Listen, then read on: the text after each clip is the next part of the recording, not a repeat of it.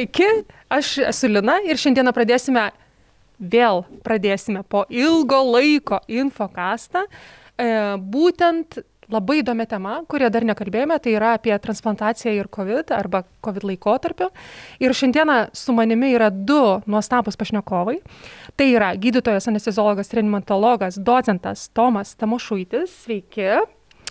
Jis taip pat yra Lietuvos sveikatos mokslo universiteto Kauno kliniko intensyviosios terapijos vadovas bei organų donorystės programos vadovas.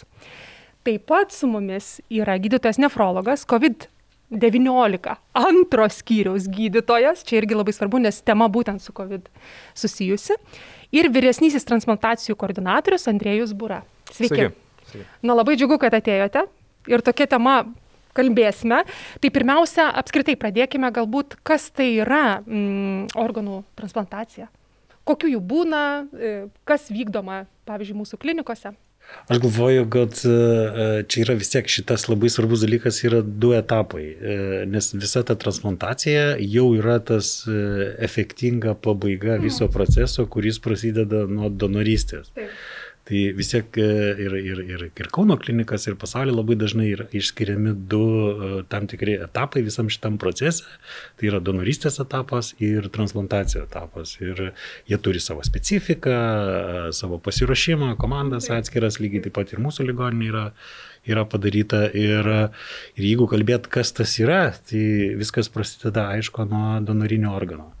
Tai tą donorinį organą reikia surasti, reikia jį paruošti ir reikia pasiūlyti transplantacijų komandoms, e, kurie suranda e, tinkamą recipientą tam organui arba, arba neranda. Tai, tai va taip turbūt e, trumpai. panašiai taip, trumpai, o paskui transplantacijų prasideda jau. Tai dar kaip ir papildysiu, kaip Tomas sako, tai viskas prasideda kaip ir nuo donorinio organo paieškos ir e, jo kriterijų nustatymo, ar jis tinka ar ne, bet taip pat yra labai svarbu ir recipientas, ne, ką mes tą transplant, transplantaciją atliksim, nes recipientai irgi negali būti bet kas, jie irgi atitinkamai yra a, ištyriami ir jeigu jie yra tinkami kaip potencialus recipientai tam laukiančiam organui, tai tada jis yra transplantuojamas, tai tie recipientai irgi turi būti nu, specialiai paruošti ir atitinkamai ištirti. Tai žinau, kad um, tiek klinikų ribose, tiek, sakykime, į klinikas yra ne vien tik iš Lietuvos arba iš klinikų, ne, tie donorai, sakykime, donoriniai organai atkeliauja arba apskritai jūs taip pat ir kažkur nutransplantuojate irgi kitas klinikas, jeigu randate recipientą, taip? Tai čia net ne tik Lietuvoje, bet ir, ir Europoje, kaip taisyklė. Uh, tas tarptautinis bendradarbiavimas per, per transplantacijos e, vystimo tinklus, jisai, mhm. jisai gyvas ir jeigu Lietuvoje recipiento nėra, e, bet yra geros kokybės organas, tai be abejo mūsų pareiga yra padaryti taip, kad jis neprapultų. Nes žmonės, kurie sutinka su organų donavimu, jie to iš mūsų ir tikisi, kad mes padarysim viską, kad tas organas kažkam išgelbėtų gyvybę. Tai jeigu Lietuvoje nėra tokio, tokio žmogaus, kuriam galėtų padėti, tada be abejo įsijungia tarptautiniai tinklai ir, ir mes surandame recipientą kažkur kitur, galbūt Vokietijoje, gal Prancūzijoje, gal Italijoje. Taip. Ir atgabenate, taip. Na įdomu. O e, įdomu, ar Lietuvoje kaip, e, kaip su tais donorais, ar, ar tikrai daug sutinkančių būti donorais? Ah, čia toks amžinas, e, amžinas klausimas ir turbūt nuo tada, kai vedama yra statistika, tai apie 30 procentų uh, visada mes turime atsisakymą uh, tapti organų donorais, artimųjų atsisakymus. Uh, e, jisai šiek tiek yra mažesnis būtent pandeminiais 21 metais ir turbūt tokia gal ir psichologinė riba peržengta to 30 procentų ir matom oficialioje lietuviškai statistikai, kad bendras Lietuvos e, atsisakymų donorystės skaičius dabar jau yra mažiau negu 27 procentai Ir e, lik ir būtų galima sakyti, kad, kad visuomeniai tas palaikymas idėjai, supratimas, jisai iš tikrųjų gerėjantis yra. Ir, ir tikrai įdomu, kad būtent pandeminiais metais, kur atrodo ir visuomenės susipriešinimo tam tikro yra elementų ir, ir galbūt ne visada tas pasitikėjimas medicinos sistema, aplamai sistema žmonių tarpe, o būtent organų donorystėje, jisai iš tikrųjų vat, tas pasikeitimas visiškai taip gal čia ir visuomenės brandumą tokį daugiau rodo irgi nes na čia susiję su daug faktorių ir kultūriniais dažnai gi dalykais. Nes na tas kovidas taip irgi parodė tam tikrus momentus ane tą susivienijimą žmonių arba nu atskirtį jeigu norit kai kur. Bet sakykime galbūt irgi pradžioj suvienijo žmones būtent ir pamatė kiek medicina yra svarbi ane kiek padėti vienas kitam galime. Tiek tiek patys tiek su medikų pagalba. Tai gal čia irgi toks buvo tas visuomenės brandos elementas, manau, yra tikrai labai svarbus, nes ir pasauliniai statistikų, jeigu žiūrėti, tai kuo toliau nuo vakarų civilizacijų šalis, tuo yra didesnis e, atsisakymų skaičius organų donorystėje. Tai aš manau, kad yra bendrai visuomenės, kaip, e, kaip jūs sakot, visuomenės brandos vertinimo kriterijus kokybinis galėtų drąsiai būti, e, tarkim, sutikimų donorystėje skaičius. Ir, ir ten mes tikrai turim šalyse, kaip, kaip ten, nežinau, Ispanijoje, tarkim, tai yra tik tai mažiau negu 10 procentų yra atsisakymas e, donorystėje. Ir e, ten jie patys pasidaro, pasidarė yra vietinius tyrimus ir dar iš tų 10 procentų uh, yra beveik pusė, pusė, gyven, nu, pusė tų atsisakymų, tai e, dviejų kartų Ispanijoje dar negyvena. Mm, tai supratau. labai dažnai buvo. supratau, nes, nu taip, imigracija ten visai kitokia. Taip, imigracija kitokio, kitokio lygmens yra tikrai labai daug ir, ir, ir va, tar, bet vietiniai, tarkim, žmonės, sakyta, netgi uh, kaip, kaip, kaip, kaip sako kolegos iš, iš, iš, iš, iš tų šalių, sako, netgi įsižeistų, jeigu sužinotų, kad buvo tokia galimybė ir tu nepasiūliai e, mhm. šito dalyko padaryti va tokio tikrai gero, e, gero žesto bendruomeniai. Taip pat norėčiau papildyti, na ir socialiniai ir ekonominiai aspektai, religiniai aspektai, tas irgi turi daug įtakos ir, va, kaip ir Tomas, Tomašu, Tomas pastebėjo, kad einant į rytus, ne, tas, tas atsisakymo dažnis mažai didėja na vien dėl to kad na kaip ir lietuvoj buvo anksčiau kad korupcija galbūt dar kažkas ane gal mes tuos organus kažkur ten nežinau išskraidinam ane už už tam tikrą mokestį.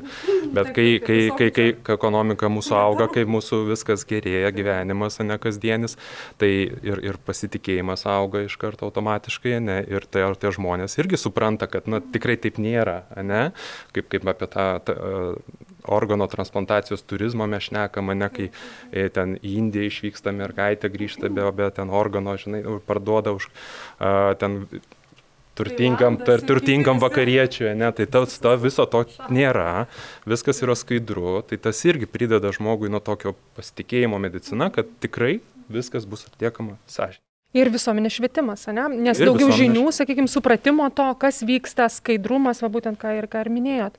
Aišku, o pavyzdžiui, na, man irgi kila klausimas, na, mes čia kalbam apie tą donorystę labai gražiai, bet ar, ar visi, e, vis, visi gali būti donorais, ar viskas tinka e, re, kiekvienam recipientui, na, kaip taip vyksta, kaip tas procesas, kokie etapai būtent. E, nes ten jūs, jūsų irgi dvi komandos, nedirba donorų ir, ir būtent jau transplantacijos, tai kaip jūs ieškot, kaip jūs e, pažiūrit, ar atitinka, kaip vyksta tie procesai?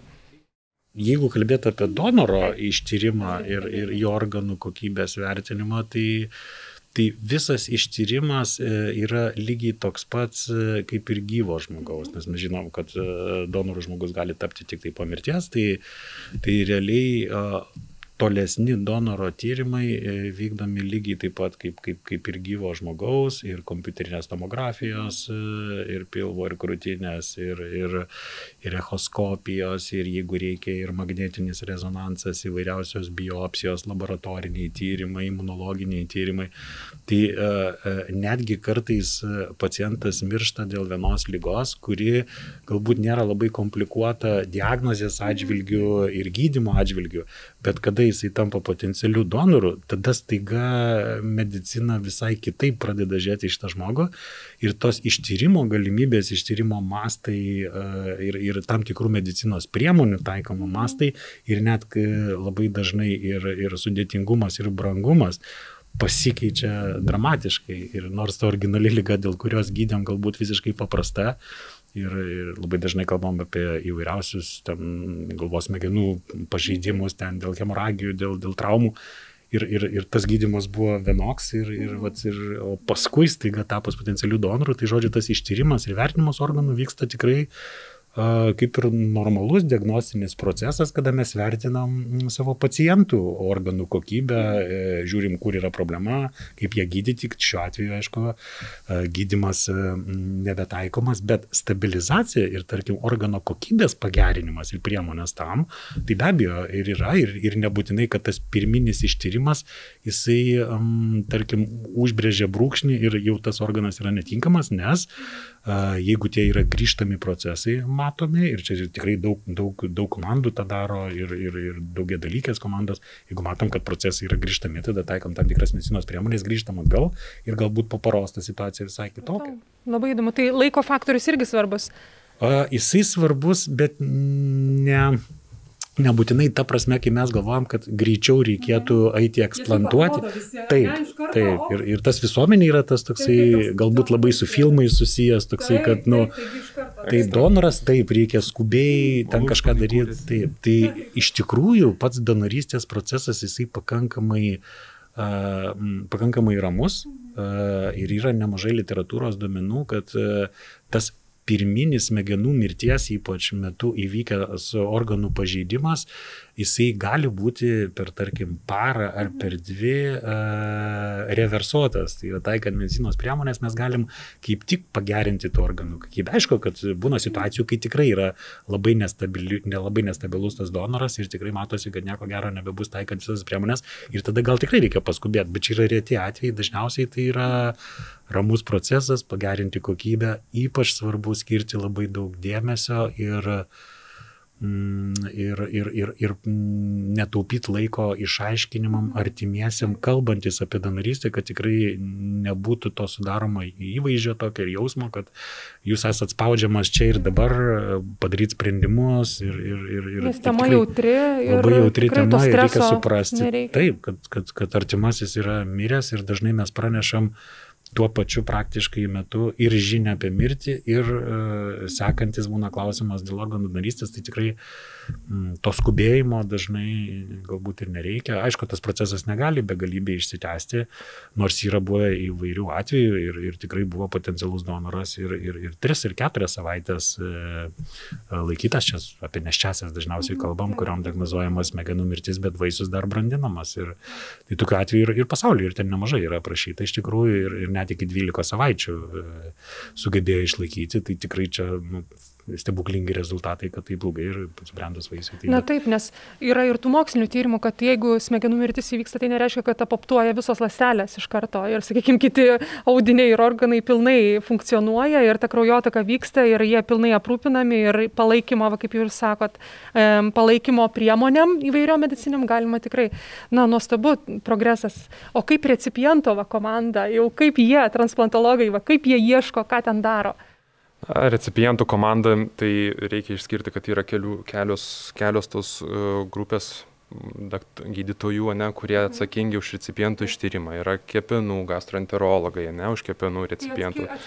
Taip, taip, taip. Yra, na, pažiūrėjau, Kauno klinikos, tai klinikom galbūt lengviau vadinti, tai ir, pažiūrėjau, gastroenterologijos klinika, tai neatsakinga už kepenų transplantacijas, yra terapeutai, yra chirurgai, ne. Taip pat yra kardiochirurgai, kurie atsakingi už širdies plaučių, širdies plaučių kompleksą, ne, ir ten yra kardiologai kartu. Na, nefrologai atsakingi ir usurologais kartu jie atsakingi už inkstų recipientų transplantacijas.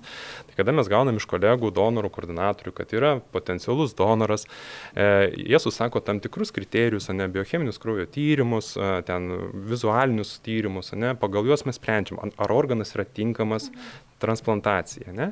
Ir jeigu priimam sprendimas, kad organas yra tinkamas, tada sudaromas recipientų sąrašas. Tai atsižvelgiama į donoro kraujo grupę, pagal donoro virusologinius tyrimus, ne, e, pagal antropometriją, pavyzdžiui, prie kepenų širdies ar širdies plaučių transplantacijas, jeigu mes šnekam prie inkstų, tai tas neaktualu, bet prie kitų solidinių organų. Ir sudaromas recipientų tas šaukimo lapas, ne? tada su recipientėmis yra kalbamasi, ne, atsižvelgiant pagal visus ten įsakymus e, ministro, kalbamasi ir kviečiamas atvažiavimas jų į Kauno klinikas išsityrimą. Na, išsityrimas vyksta standartiškai, irgi viskas ten yra pagal protokolus padaryta, ta prasme, ten nėra nukrypimų kažkokių, yra tiesiog reikia tą padaryti ir ištirti. Ir jeigu mes turim kažkokius kabliukus, ne, recipientui, nu, tarkim, nu, kažkas užkliuvo, tai mes papildomus tyrimus padarom. Jeigu mes matom, kad tai yra ne, nekritiškai svarbu ir transplantacijos eigai tai netakos kažkokių komplikacijų, daugiau neatsiras dėl to nieko, jisai yra konsiliumo būdu atrenkamas transplantacijai solidinio organo, nu, to organo vadinu. Tai va, tai tas pats pagrindinis dalykas, tai recipientų yra įtraukimas į, į, į, į laukiančiųjų sąrašą. Taip. Nes, nes jie, kai yra įtraukiami, tai jie yra įtraukiami, reiškia, jie yra, jau yra pilnai ištirti, jie yra stabilizuoti ir jiem kažkokių komplikacijų negali grėsti. Įtrauk, nebūtinai traukti vakar, tai yra ilgesnis procesas, aišku. Taip, taip, taip. E, tai šituo irgi dirbama, mes turim tam tikrų klausimų ties šituo punktu, ypač su inkstų transplantacijom, kada inkstų recipientai atvažiuoja, tarkim, na, ilgą laiką sto, e, laukia laukiančių sąraše, bet jie, tarkim, nesi, nesirodo trečio lygio ligoniniai, jie ne, ne, netlieka tam tikrų standartinių tyrimų ir kada jie atvyksta, tada atsiranda labai daug klausimų. Bet čia yra kita tema, čia yra pavieniai dalykai. Jo, čia yra, čia yra kaip sakykime, virtuvė. Tai. Bet va tas pats įtraukimas paciento, kada e, gydytojų komanda nusprendžia, kad tas recipientas yra tinkamas organo transplantacijai ir kada atliekame visi tyrimai ir bandoma stabilizuoti jo būklę, na tai irgi toks kaip, kaip uh, lėktuvo pilotavimas, ne, tu, tu turi iš, išlaviruoti iš kiekvienos situacijos ir vat, parinkti tą momentą, kada jį galima įtraukti recipientų sąrašą. Tai ir kad jis atitiktų visus kriterijus, kad jis būtų galimas tas e, potencialus. Tai taip jūs sumažinat realiai riziką, kuri galėtų kilti recipiento. Taip, taip. o kokios jos yra, gal dar kažkokiu yra? Na, organų atmetimas čia tai greičiausia, dažniausia žinoma ta rizika tokia, nu apskritai, arba komplikacija. Jau, jau su šio laikiniais vaistais 20 amžiuje tas organų atmetimas yra retas dalykas. Nu, tai yra jis nėra labai jau retas, bet nėra ir labai dažnas, nes, sakykime, tai vis tiek su imunosupresiniais vaistais, ypač kai atėjo takrolimus, kalcinio urino inhibitoriaus e, į, į, į gydytojo praktiką, tai tų atmetimų dažnis ženkliai sumažėja, ženkliai sumažėja. Na ir be to nepamirškim diagnostikos principus, ne, nu, jau vis tiek tą organą stengiasi išsaugoti, kad recipientų ir gyvenimo kokybė nepablogėtų ir, ir, ir jo, jam nekiltų daugiau tų, tų rizikos, rizikos veiksnių, na, yra intensyvus stebėjimas, ne, kiekvienos komandos po transplantaciniam periodui. Ir jau kada kyla įtarimas, atliekami tam tikri veiksmai. Pačio recipiento stabilizavimas, paruošimas transplantaciniam, tam transplantaciniam periodui, tai kaip ir sakau, yra iš ankstinis, ne, jis yra testinis iki transplantacijos. Na ir šiuo metu pritaikant visas maks, e, medicininės priemonės, diagnostikos metodus, ne, ir gydoma, e, medicamentinį gydimą, ne, patį geriausią, na, tų komplikacijų po transplantacijos periodų jų būna, bet jų dažnis ženkliai sumažėjo, negu lygintume ten prieš 20-30 metų. O ar turit kažkokią išvalgą, kas, e, ar turit, nu, nežinau, galbūt aš irgi ne, to, toj srity mažiau studijavus gyvenime esu, bet jūs gal galite pasakyti, kad e, gal kažkas gali prognozuoti, kad bus atmetimas arba nu, kažkokių prognostinių faktorių, ar kažkokių specifinių lygų, ar dar kažkas. E, vyksta imunologinis e, suderinimas šitų tiek donoro, tiek recipiento prieš įsodinant organą ne, recipientui. Yra atliekama imunologinė analizė, ar bus kryžminė reakcija, ar nebus kryžminė reakcija. Jeigu mes randam ten sutapimą gerą, tai tas ta, ta rizika Sumažė. ženkliai sumažėja atmetimo, jinai ten sumažėja iki 30 procentų, 25, jinai gali būti, bet ją gesina medikamentinis gydimas. O amžius, sakykime, recipiento, ar tai žaidžia kažkur, ar, ar Nu, amžius amžiui nelygus, ne? mes irgi žinom, kad gali pacientas būti ir vyresnio amžiaus, bet fiziškai pajėgus ir jisai save apsitarnaujantis, jisai pilna verti gyvenimo gyventis. O kitas amžius, pavyzdžiui, tokio pačio amžiaus žmogus, jis gali būti jau ne kažkoks, nu, lygus, kaip sakyti, jo gyvenimo kokybė suprastėjus. Tai amžius amžiui nelygus, tai irgi tai, nu, tam, tam sprendimui, kad jį įtraukti į recipientų sąrašą, yra multidisciplininė komanda, įvertinama visos organų sistemos ir jeigu matom, kad jam rizika yra minimaliai, jis tikrai yra įtraukiamas arba tokia toleruotina, kad mes ligoniniai jas galėtume suvaldyti. Taip. Docente, o dar apie donorus pačius. Ar yra kažkokių kontraindikacijų e, būtent būti donoru, ar, ar Tai žinoma, tai e, juk mes nepersodinsim a, paciento, kuris mirė inkstų, a, kurie neveikia. A, e, tai, ta prasme, arba taip, kuris buvo dializuojamas, tarkim, arba mes ten, nežinau, a, paciento, kuris mirė dėl miocardo infarkto širdies, nu, irgi nesudinsim. Tai, tai čia yra tik tai grinai pačio organo vertinimas, kaip ir kalbėjom prieš tai, ir tada vat, jo tingumas. Bet taip jūs teisi, kad gali būti a, santykinių. Mhm E, santykinių kontraindikacijų, kurios iš tikrųjų e, pasaulyje, ypač vakarų pasaulyje, senstant visuomeniai, tai reiškia, kad mūsų donorų amžius didėja. Ir tarkim, jeigu Lietuvoje jisai dar yra apie 54-55 metus, tai, tai, tai labiau išsivyšti, nu, gal taip nesakyčiau labiau, bet mm, senos, senosios Europos šalyse, kur, kur, kur tas mm, tikėtinas amžiaus vidurkis yra gerokai didesnis negu pas mus, tai ten amžius, donorų amžiaus vidurkis jau senai virš 60 metų. Tai reikia suprasti, kad tie, tie donorai, kurie yra vyresni, tai natūralu, vis tiek organizmas dėvisi, organų kokybė taip pat yra blogesnė, bet išeinant iš tos pozicijos, kad organų vis tiek trūksta, tai tie vadinami yra išplėstinių kriterijų arba rybiniai donorai, tai uh, ta rizika yra suprantama, bet be abejo jinai labai realiai yra vertinama. Ir tarkim, dažnai ten klausia, ar, ar donoras m, gali būti dėl amžiaus kažkokio ribojimų. Tai be abejo, amžiaus ribojimai yra vitaliniams organams, pavyzdžiui, širdžiai. Tai, tai tikrai yra amžiaus tam tikri ribojimai donoram negalima. Bet, bet inkstam, man atrodo, vyriausias buvo 76 metų beros donoras. Ja. E, ir taip pat, e, vat, papildysiu, kadangi yra sensta populiacija ir donorai sensta, jų amžiaus, jų amžiaus vidurkis auga, na ir dabar iš, ir tų donorų skaičius mažėja iš tikro pasaulyje, ne?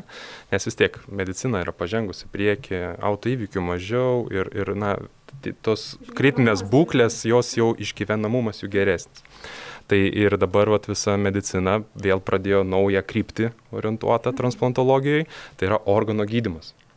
Tai vad kaip ir Tomas šnekėjo pirmoji daly, kad e, donoras nepuolamas iš karto, ne, ten eksplantuoti iš šio organo, jis žiūrima jo kriterijus, atitikimai ir taip toliau ir stengiamasi pagerinti organo kokybę, tai čia yra dar organizme, bet taip pat dabar yra jau ir m, po truputį moksliniai tyrimai daromi, kai tai galima padaryti. Mhm už organizmo ribų, ne, pasinaudojant tam tikrom mašinom, tarkim LifePort, ne, kada perfuzuojasi inkstas, ne, ir ten uh, yra daug e, tokių krypčių, tarkim, net kamieninės lastelės donoro panaudoja ir pažiūri, jos ten nusėda mezangiume, nusėda glomeruluose ir defektus bando uždengti. Na nu, taip, bet čia jau, jau dar kita, čia jau lastelinė terapija jo, daugiau, bet, bet, man e, atrodo. Bet, bet ne, nebūtinai lastelinė, ten, pavyzdžiui, prie LifePorto šiaip jinai yra tik tai šalta perfuzija vadinama, ne, ir, ir, e, o dar galima pridėti oksigenaciją. Ne, tada, vat, pavyzdžiui, ilgėja to donorinio organo buvimas šaltoj terpėje. Na, Tai vat, ir bando per tą laiką. Mes galim labai giliai nueiti, ar telomerų ilgėjimą tikrai sumažina šitas, nes... Ne, tai čia, čia yra tik tai, tik tai yra tokia mokslinė, mokslinė kryptis, bet jinai vat, irgi jau yra kažkoks pagrindas jai, kad donorinio organo reikia kokybę gerinti. Nu, mes visi, aišku, tikimės, kad kažkada galbūt užauginti bus, ne, organai ir bus transplantuojami. Na, galbūt, nes jau tokių yra visokių, kur, kur sakykime... Bus turbūt labai daug etinių dilemų. Taip, vienareikšmiškai, nes jau etinių dilemų ir šiaip yra, ne, tokių visokių. Tai tuo labiau, tuo labiau, iš tikrųjų, aš irgi taip galvoju. E, Kitas momentas yra apie tas komplikacijas, dar kalbant, arba apskritai tinkamumą. Tai pavyzdžiui, sisteminės infekcijos arba virusinės infekcijos, ar jos uh, turi kažkokį čia irgi žaidimą ir, ir um, ar, ar galima būtent tuos organus paimti ir...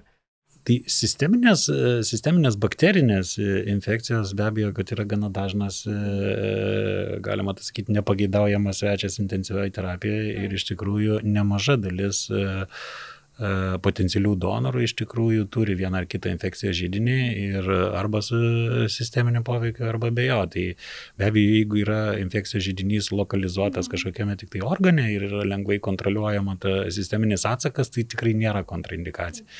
Jeigu tai yra sepsis su dauginiu organų nepakankamumu, su septicemija, su visom komplikacijom, be abejo, labai gerai galvojam apie tokius dalykus ir, ir, ir yra tam tikros ribos e, ir uždegiminių cheminių markerių ir taip toliau, kur iš tikrųjų, nu, e, nebe, nebe, nebesiūloma šitų, šitų, šitų organų naudoti kaip, kaip, kaip donorinių organų, tai taip. O, o dėl virusų, tai čia kita kalba. Mm, taip, taip, nes matot, virusai ne tik patys cirkuliuoja, bet dalelės jų cirkuliuoja, ten DNR ir visokie RNR ir viskas. Yra, yra standartinis e, virusologinis skriningas šitų taip. pacientų, kuris suimi. Bet kiek jisai pagauna, irgi čia dar klausimas. Nu, žinot jo. Bet ir yra naujieji virusai, kurie čia plačiai cirkuliuoja visuomeniai ir tada klausimas, ką daryti, nes nu, jeigu toks didelis paplitimas visuomeniai to viruso, tai vis didesnė tikimybė, kad tas potencialus donoras bus to virusu arba aktyviai užsikrėtęs dabar, arba galbūt nešiotojas tik tai, arba kaip jūs sakote, DNR, tik tai kažkokių dalykų. Šiaip yra labai daug. Na, va čia, aišku, man tai labai patinkanti tema, bet esmė tokia, kad um, iš tikrųjų dabar, aišku, proveržis virusologijai labai didelis, bet e, yra sakoma, kad tikrai labai daug dar netrasta žmogau, žmoguje pačiam virusu. Ir netgi tokie arba, nu, anelio virusai tiksliau, kurie irgi imunitetą ala visai ten veikia, nepaisant to, kad kraujyje pastoviai vos negali cirkuliuoti tai irgi mes tokių nenustatom. Nustatom, nu ką, citomegalas, Epstein-baras, e, tokius dalykus, na, COVID dabar, žyvas. galbūt žyvas, taip, nu, va tokie hepatitai, taip, e, tai ta prasme standartiniai, o tų va visų dar šalia, niekas nežino, ar jie neturi kažkokios įtakos. O kaip su to COVID, va dabar, m, mm, sakykime, ar COVID sergantis žmogus, nes tai yra dažniausia, na, jeigu nekalbam apie tas lengvas formas, kurios atsiduria, pavyzdžiui, na, intensyvioje terapijoje, tai dažniausiai juk ventiliuojami pacientai su RDS arba su apskritai dauginiais jau pažeidimais COVID konkrečiai. Tai ar tokie pacientai gali būti donorais? Toks pacientas, kuris guli intensyvioje terapijoje dėl sunkios mhm. COVID eigos, tai tikrai yra nesvarstamas nei pasaulyje, nei pas mus kaip, kaip, kaip galimas tam potencialus donoras ir panašiai. Bet būna pacientų, kurie, kurie serga kitom kritiniam lygom, pavyzdžiui, nežinau, hemoraginis insultas. Ir tada atsitiktinai jau užfiksavus atvykus į ligoninę yra, tarkim, ten PGR metodika nustatomas teigiamas COVID testas. Ir va tada iškyla dilema problema.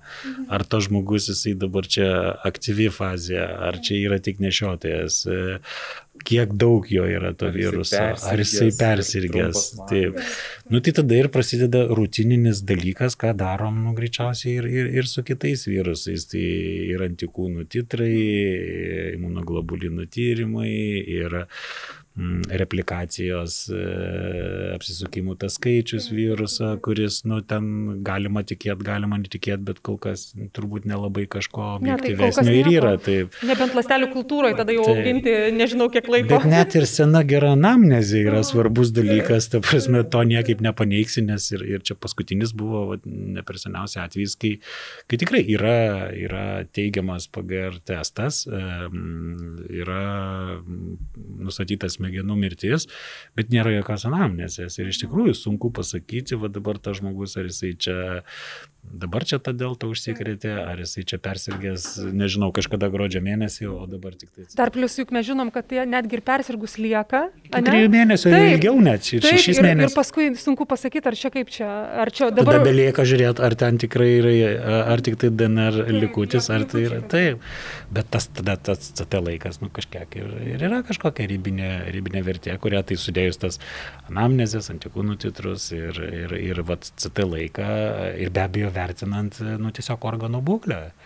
Čia, nežinau, jeigu taikytis į inkstus, tai inkstų ten pažaida ir visa kita, nes to kaip ir perdavimo krauju viruso, nu, tai nėra nustatyta atveju ir čia yra daugiau toks, aišku, apsidraudimas. Na, tarkim, tikrai nebus greičiausiai niekada plaučiai transplantuojami iš, iš, iš teigiamo, nes nu, pirminė pažaida eina ir visa kita, nebent tas virusas užmutuos ir, ir pradės, nežinau, atakuoti visiškai kitą organą, kokį nors, nežinau, jis pasidarys akių virusas. Na, nu, iš tikrųjų, tai galbūt ta, ta baime dar pradžioj buvo irgi tokia didelė dėl to, kad, nu, nežinoma, ne, ką jis gali. Šitas virusas, kiti tai nuvažiavas, ten hepatitas, nu, jau vos, jau tyrimų, va tiek, viskas ištyrinėta vos, ne, nu, aišku, kiekvieną kartą galima vis dar daugiau patirinėti, bet, nu, va, su COVID tai taip, bet aš žinau, kad jūs turite ir sėkmės istoriją su būtent COVID e, sirgusių. Nežinau, kiek čia galima sėkmė, ne Andrėjau pavadinti čia tokia. Tai tiesiog, nu, tai bet vis tiek nu, pasidalinkite. Jo, ta prasme, kad, kad čia praeitais metais, gruodžio mėnesį, taip, taip, buvo taip, jo taip. pacientas. Ir... Jo, diskusinis klausimas diskusinis, buvo, bet... Bet, bet pasitarėm su visais, nu, ir, ir ta prasme, tai donoras, jeigu jis yra tinkamo organų kokybė ir, ir mes ir naudojamės ir tada tuo pačiu algoritmu. Mhm.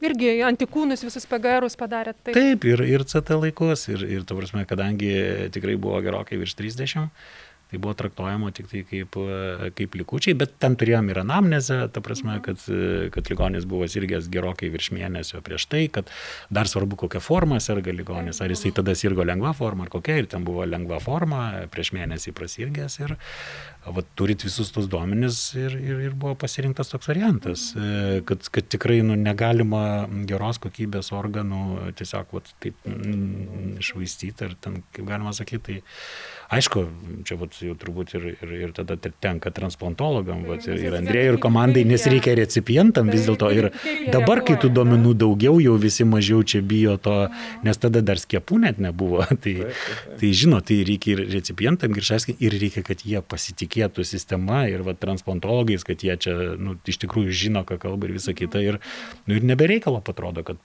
kaip Andrėjau. Na, pats COVID iš esmės transplantologijai labai įnešė daug naujų vėjų ir labai daug iššūkių įnešė, ne, kuriuos reikėjo išspręsti tiek donoro koordinatoriams, tiek transplantacijos koordinatoriams, tiek visai transplantologų komandai. Nes, na, ir pasiruošimas, ir, ir tas izoliavimas tų pacientų, ir tų patalpų ruošimas, ir kontaktų ribojimas, nes transplantuotas pacientas pirmas paras yra labai pažeidžiamas. Ne? Ir dar plus ta inkubacija pradžioj buvo ten begalybė laiko ir kada čia jau jisai susirgs. Skiepų nebuvimas. Jezu, kiek mes, kiek mes buvom susitikę kartu klinikose aptarti, ar mes stabdom tą procesą, ar nes stabdom ar kažkaip ten, nu, labai daug diskutavom to klausimą ir ačiū Dievui, kad mes nesustabdėm ir ėjom toliau, taip drąsiai, tai žingsniais ir, ir parodėm, nu, kad tikrai viskas įmanoma, viską įmanoma pakeisti ir vidinę struktūrą, ir vidinius ten tuos žmogiškos išteklius sudėlioti ir, ir viską, viską sudėlioti į eilutes ir sumažinti tą riziką pacientui, recipientui ir visai komandai minimaliai. Tai tą mes pasiekėm ir tą mes parodėm tikrai. O jeigu uh, grįžti prie donoro ir ten ar jisai persirgęs COVID, ar jisai sergantis COVID, ne, vat, kaip tokia, tokia situacija, kai yra smegenų insultas, hemoraginis, jau pacientas nieko nepasakys, artimieji ten žino, nežino, anamnezės nėra. Ne? Tai ir, ir arba ten, aišku, ten, kad prieš metus sirgęs, ne, to, to COVID, kas jau dabar būna net reinfekcija, ne. Tai tikrai, vat, kaip ir Tomas minėjo, tai tas CT reikšmė, jinai yra reikšminga ir, ir vat, teko ir man šnekėti su užsienio kolegom, bendrauti, kaip elgtųsi tam, tam tikrais atvejais. Tai, tarkim, Olandijos patirtis, Groningo universitetas, tai jie tikrai sako, tik tai CT reikšmė. Jeigu jinai virš ten 32, jokių problemų, reiškia, yra arba ten kažkokios dalelės likusios, arba tas, na, tas, tas virusas yra neaktyvus. Eurotransplantas šiuo metu jisai labai taip dar, dar griežtai tai žiūri, jeigu PGR steigiamas, ten kažkaip diskusijų nekyla, bet irgi jie tą peržvelgia, ta prasme, nes situacija keičiasi. Lenkų kolegos, ne, tai irgi ten taip pat yra du PGR, tarkim, 72 valandų turi būti neįgiami, ne, nu, tai pakol kas tokie Olandai, jie tokie labiau, nu, kaip pasakyti, kaip pasakyti, na, kaip čia drąsesni šituo atveju, drąsesni šituo atveju. Bet tai galbūt irgi tas drąsa atsiriama su patirtimi mokslinė, nes, nu irgi, tai čia virsologijos tiesiog patirtis, ne, sakykime. Pas mus dar jos tokia, nu, tikriausiai, tikriausiai, tikriausiai tas sėkimas pulso, nu, tarsi pulso uždėjimas, rankos uždėjimas ant pulso ir laikų sėkimas visų straipsnių rodo, kad taip, nes ir sisteminė metanalizė parodė, kad tų donorų organai, kurie buvo transplantuoti, kurių CT reikšmė viršė 25, na tikrai ankstyvasis potransplantacinis periodas, 3-6 mėnesiai recipientui nesukelia kažkokios mhm, žalos. Mm -hmm. Net 25. Tai reiškia irgi, nu, ne 32. Taip, taip, taip. Nu, tas CT reikšmės jos nebuvo, ten vidurkis kažkoks išvestas, bet tiesiog, va čia dabar taip greitai išvedžiau. Bet esmė, kad, tas ne, tikrai virš 25 ir daugiau, ten 30-33, na, tikrai kažkokių komplikacijų nesukėlė. Ten apie solidinius organus, kepenis ir inkstus, jeigu šnekėtume širdį. Na, o jeigu šnekėtume apie plaučius, plaučius, tai ten griežtai turi būti neigiamas. Neigiamas net CT reikšmė, nes CT reikšmė yra net nediskutuojama.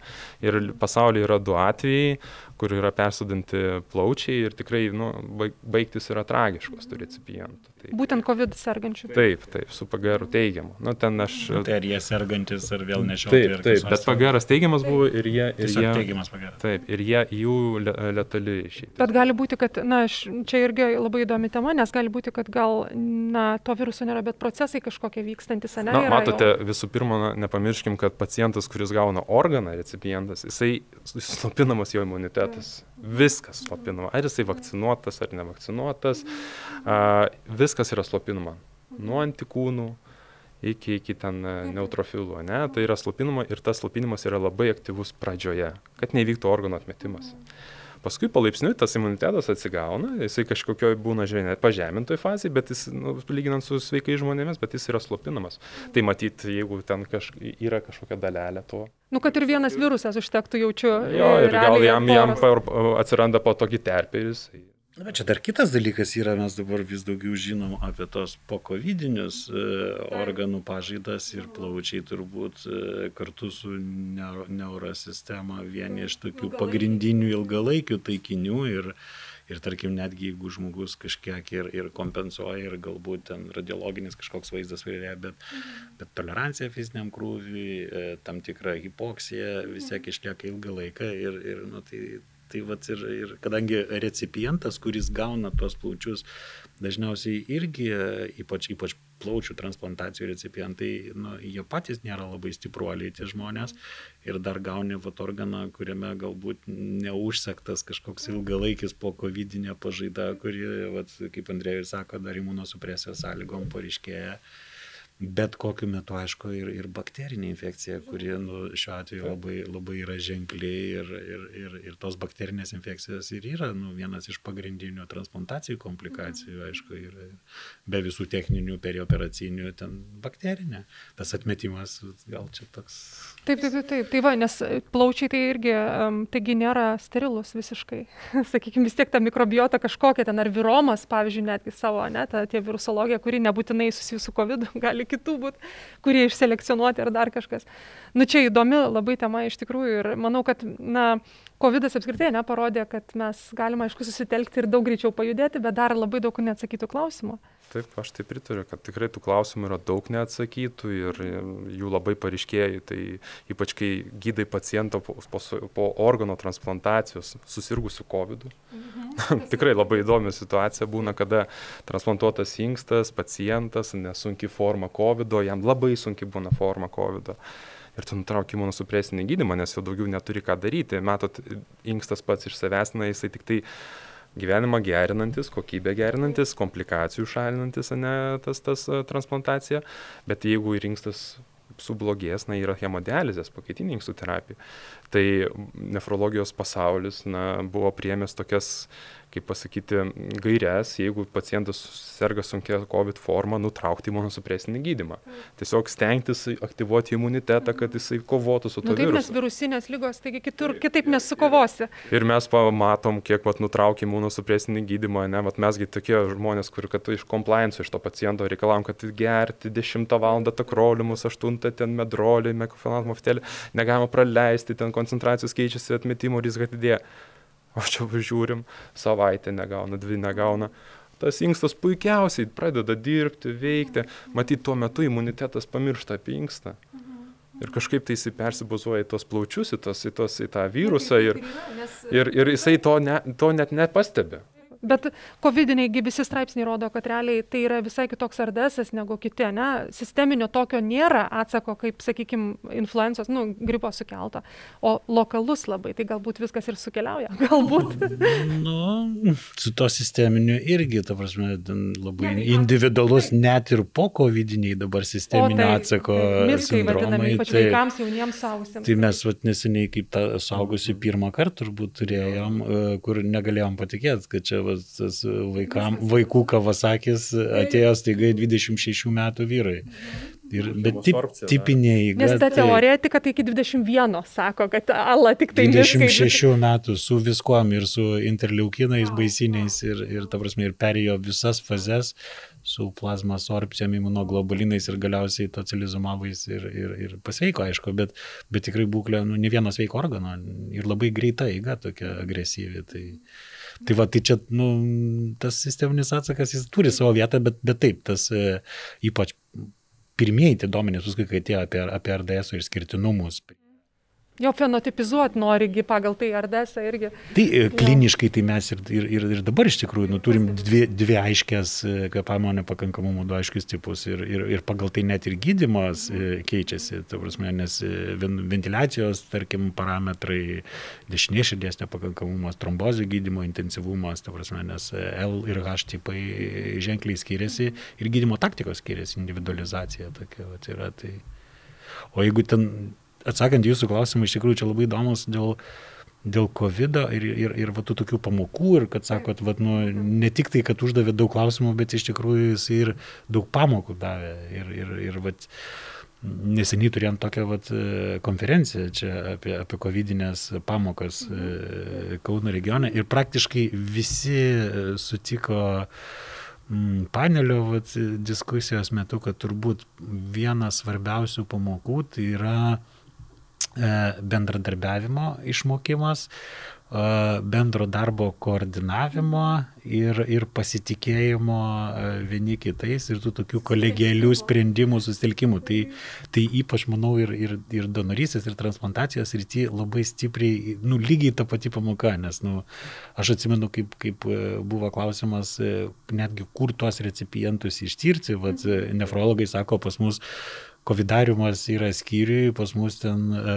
protrukis COVID, ko ten labai sunku suvaldyti e, pandemijos metu, net kur tos recipientus ištirti, jeigu į skyrių pasimsim ištyrimų, tikimybė, kad jis susikrės pas mus dar iki to, prieimimo skyriui buvo surastos erdvės, kur, ta prasme, galėtų be jokio kontakto praktiškai su ligoninė recipientas įvažiuoti, išsitirti, na, visiškai autonomiškai, ne, į didį pastatą nenuvažiuodamas ir, ir, vat, ir gauti tą paslaugą, tai tokių visokių, nu, kur anksčiau atrodytų, kaip čia galima, nu, vienos klinikos pacientai, kitoj tyrėsi, kas čia per, ir staiga supratom, kad čia ta, ta sistema, ta ligoninė gali būti labai lankščiai išnaudota. Vienas yra, tik tai mes taip gyvenam kartais, kad atskiruose savo burbuluose. Taip, taip. Bet iš tikrųjų esam labai susiję. Ir ta, ta tokia koncepcija įgavo, kad ligoninė be sienų ir, ir tarsi nefrologinis pacientas guli pas urologus, tenai žiūrim, prižiūrim, ne recipientus tyriam prieimimo skyriuje.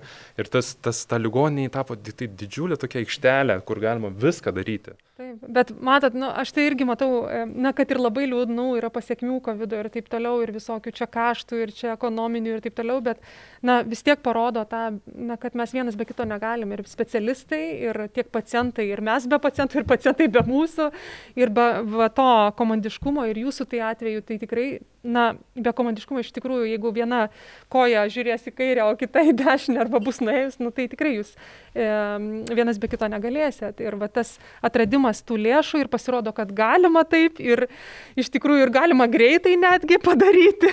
Ne tik kad kartais vyksta viskas metai du o dabar viską greitai. Tai manau kad o, dar vieną atsiminiau labai gerą pamoką ką davė kovidas iš tikrųjų.